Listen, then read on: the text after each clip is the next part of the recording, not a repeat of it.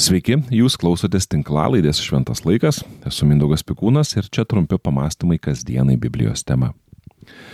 Jei pirmieji Biblijos pradžios knygos skyriai yra pakankamai aiškus, Dievas yra kuriejas ir visa, kas sukurta, turi tvarką, prasme ir tikslą, tai skaitant toliau, klausimų kyla daugiau.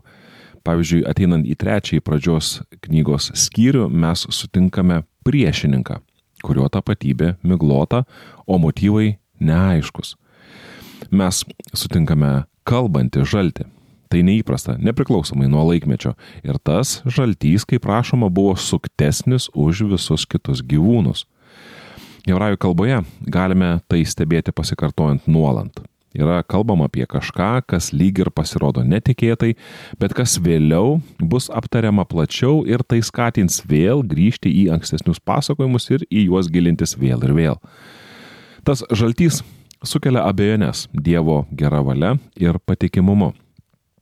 O žaltys buvo suktesnis už visus kitus laukinius gyvulius, kuriuos viešpats Dievas buvo padaręs, rašoma pradžios knygos trečiajame skyriuje. Jis paklausė moterį, ar tikrai Dievas sakė, nevalgykite nuo jokio medžio sode. Moteris atsakė žalčiui, vaisius sodo medžių mes galime valgyti, tik apie vaisių medžio sodo viduryje Dievas sakė, jūs nuo jo nevalgysite, nei jo liesite, kad nenumirtumėte. Bet žaltys tarė moteriai, jūs tikrai nemirsite. Ne, Dievas gerai žino, kad atsivers jums akis, kai tik jo užvalgysite ir jūs būsite kaip Dievas, kuris žino, kas gera ir kas pikta. Pradžios knyga trečias skyrius, pirma, penkta eilutės. Iš pasakojimo apie sukūrimą mes sužinome, kad žmogus buvo sukirt, e, sukurtas paskutinis, o žemės gyvūnai ir dangaus galybės buvo sukurti prieš sukuriant žmogų.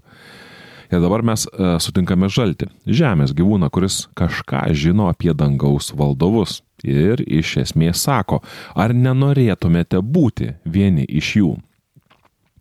Čia yra naudojamas e, hebrajų kalbos žodis Elohim, kuris yra dažnai priskiriamas vienam kuriejui ir yra verčiamas lietuvių kalbą kaip Dievas, arba dangiškoms būtybėms ir yra verčiamas kaip Dievai.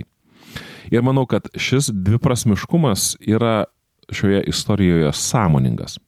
Tai užuomina į pirmame pradžios knygos skyriuje aprašytą sukūrimo savaitę, kad uh, kai buvo sukurti dangaus valdovai ir žmogus. Ir jie atrodytų um, yra prieš pastatomi vieni kitiems, nes turi jiems patikėtą um, valdymo sferą, valdymo sritį ir tuo pačiu jie yra palyginami tik tais, na, ta, tas, ta kova, galbūt ta trintis dar tik tais e, galimai bus aptariama vėlesniuose Biblijos puslapiuose, bet čia mes jau galime po truputį skaitydami matyti augantį konfliktą, galimą konfliktą. Ir jeigu paminate pradžios knygos pirmajame skyriuje yra aprašoma, kaip ketvirtą dieną Dievas vat, būtent sukuria dangaus galybės ir paveda joms valdyti dangų, o šeštą dieną Dievas pagal savo pavyzdį ir savo paveikslą sukuria žmogų ir kuris turėtų valdyti žemę. Ir toliau skaitydami ypatingai trečiajame skyriuje mes e, susidarėme su tokiu savotišku klausimu ir gundimu Adomui ir Jėvai, o kodėl jiems nepabandžius valdyti dangaus taip pat.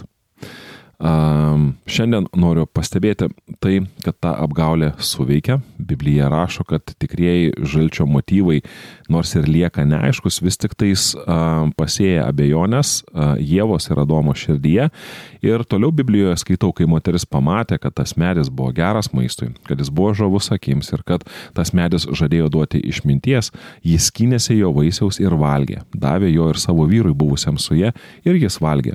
Tuomet abiejų akis atsivėrė ir jėdu suprato esą nuogi. Jie susisiuvo figmedžio lapus ir pasidarė savo juosmens aprišalus. Pradžios knyga, trečias skyrius, e, šešta, septinta eilutės. Pandoros skrynė atidaryta. Žmogus prasižengia darydamas tai, ką Dievas jam draudė. Ir toliau jau skaitome, kaip pirmoji pora yra išvaroma iš rojaus ir galiausiai žmogaus gyvenimas baigėsi mirtimi ir jis sugrįžta į žemę, iš kurios buvo paimtas ir sukurtas. Žaltys pasmerkiamas valgyti dulkes ir šliaužioti ant pilvo.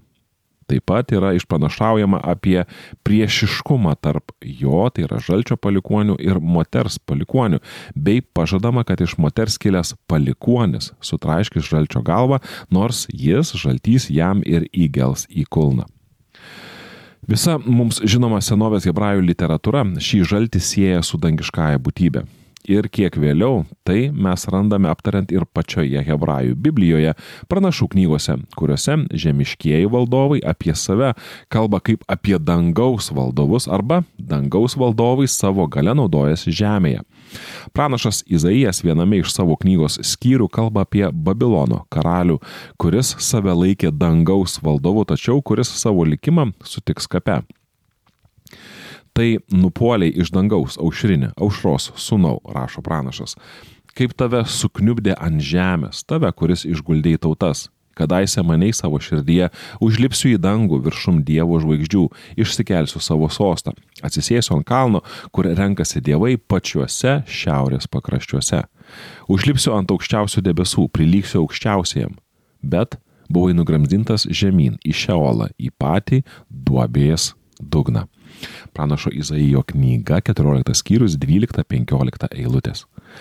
Pastebėkite, kaip šioje ištraukoje puolęs angelas yra prilyginamas aušriniai žvaigždžiai, bei kad jo noras buvo išsikelti aukščiau visų Dievo žvaigždžių mes vėl grįžtame prie minties jau aptartos anksčiau, ankstesnėse um, tinklalaidėse, kad senovės žmogaus pasaulyje žiūroje žvaigždės, planetos ir dangaus gyventojai yra prašomi greta vienas kito.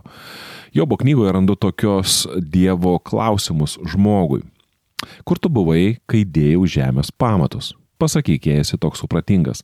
Kas nustatė jos matmenis? Tu tikrai žinai. Argi kas tiesė ant jos matavimo virvę. Ir ką ir į ką buvo įleisti jos stulpai ir kas padėjo jos kertinį akmenį, kai drauge gėdojo rytmetinės žvaigždės ir visos dangiškos būtybės šaukė iš džiaugsmo.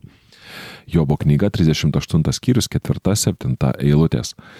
Dangaus karalystė yra paslaptinga vieta kurioje angelai yra prilyginami žvaigždėms. Ir reikia pripažinti, jog čia biblinė kalba apie angelus ir dangiškas būtybės labai arti simbolinės kalbos ir misli, mislingai paslaptinga. Pranašo Jezekėlio knygoje mes vėl randame tik jau Tyro karalių, kuris save įsivaizdavo esant kerubų ir norinčių išplėsti savo valdas. Tu buvai uh, tobulumo anspaudas, kupinas išminties ir tobulo grožio. Tu buvai Edene Dievo sode, tave puošia visokiausi brangakmeniai - sardis, krizolitas ir deimantas, berilis, oniksas ir jaspis, safyras, rubinas ir smaragdas, iš aukso tavo karuliai ir puošmenis. Ta diena, kai buvai sukurtas, jie buvo padirbti. Sukūriau tave kaip kerubą, gyvenant gyvenai ant uh, Dievo šventojo kalno, vaikščiai tarp ugningų akmenų. Tu buvai bedėmės savo keliuose nuo pat savo sukūrimo dienos, lygi buvo atrasta tavo kaltė. Per savo plačią prekybą prisipildai smurto ir nusidėjai, todėl varau tave nuo Dievo kalno. Ir kerubas išskėstais ir serginčiais sparnais tave nuvarė nuo ugningų akmenų. Nuo tavojo grožio išpuiko tavo širdis, savojų spindėsiu piktam, panaudojai savo išmintį, nubloškiau tave žemėn, padariau iš tavęs reginį, kad karaliai įsidėmėtų. Pranašo Izekėlio knyga 28 skyrius. Tas žaltys sugundęs Jėvą ir Adomą buvo šetonas. Angelas peržengęs savo kompetencijos ribas ir troškęs atsisėsti į Dievo sostą. Nesunku pastebėti išriškėjant vienai esminiai Biblijos temai - konfliktas Dievo sukurtame pasaulyje prasideda kai dangaus valdovai nori valdyti žemę, o žemės valdovai atsako tuo pačiu, verždamiesi valdyti ir dangų. Žmonės galvojo, svarstė ir meditavo, ketindami suprasti, kas čia vyko tame pirminėme rojuje prie gėrio ir blogio pažinimo medžio. Tarp testamentinio laikotarpio knygose randu tokius pamastymus. Juk Dievas sukūrė žmogų, kad būtų nemarus, padarė jį savo amžinybės paveikslu, bet per velnio pavydą mirtis atėjo į pasaulį ir jo bičiuliai tai patiria. Saliamono išmintis, antras skyrius, 23-24 eilutė. Pasak šios knygos autoriaus, pavydas buvo pagrindinis motyvas. Čia galima prisiminti, kaip dangiškoms būtybėms buvo pavesta valdyti dangų. Jie būtų puikiai susitvarkę ir su žeme. Ir Izraelis supusiose tautose mes matome, kaip dangiškos būtybės bandė tai daryti. Kodėl ši atsakomybė turėtų būti patikėta uh, tik žemėje sukurtiems žmonėms? Pavydas. Antrojoje Enocho knygoje yra rašoma, vienas iš arkangelų atpuolė kartu su jam pavestaisiais. Jam kilo neįmanoma mintis, kad jis gali pasistatyti savo sostą aukščiau žemės debesų ir gali prilygti mano galiai.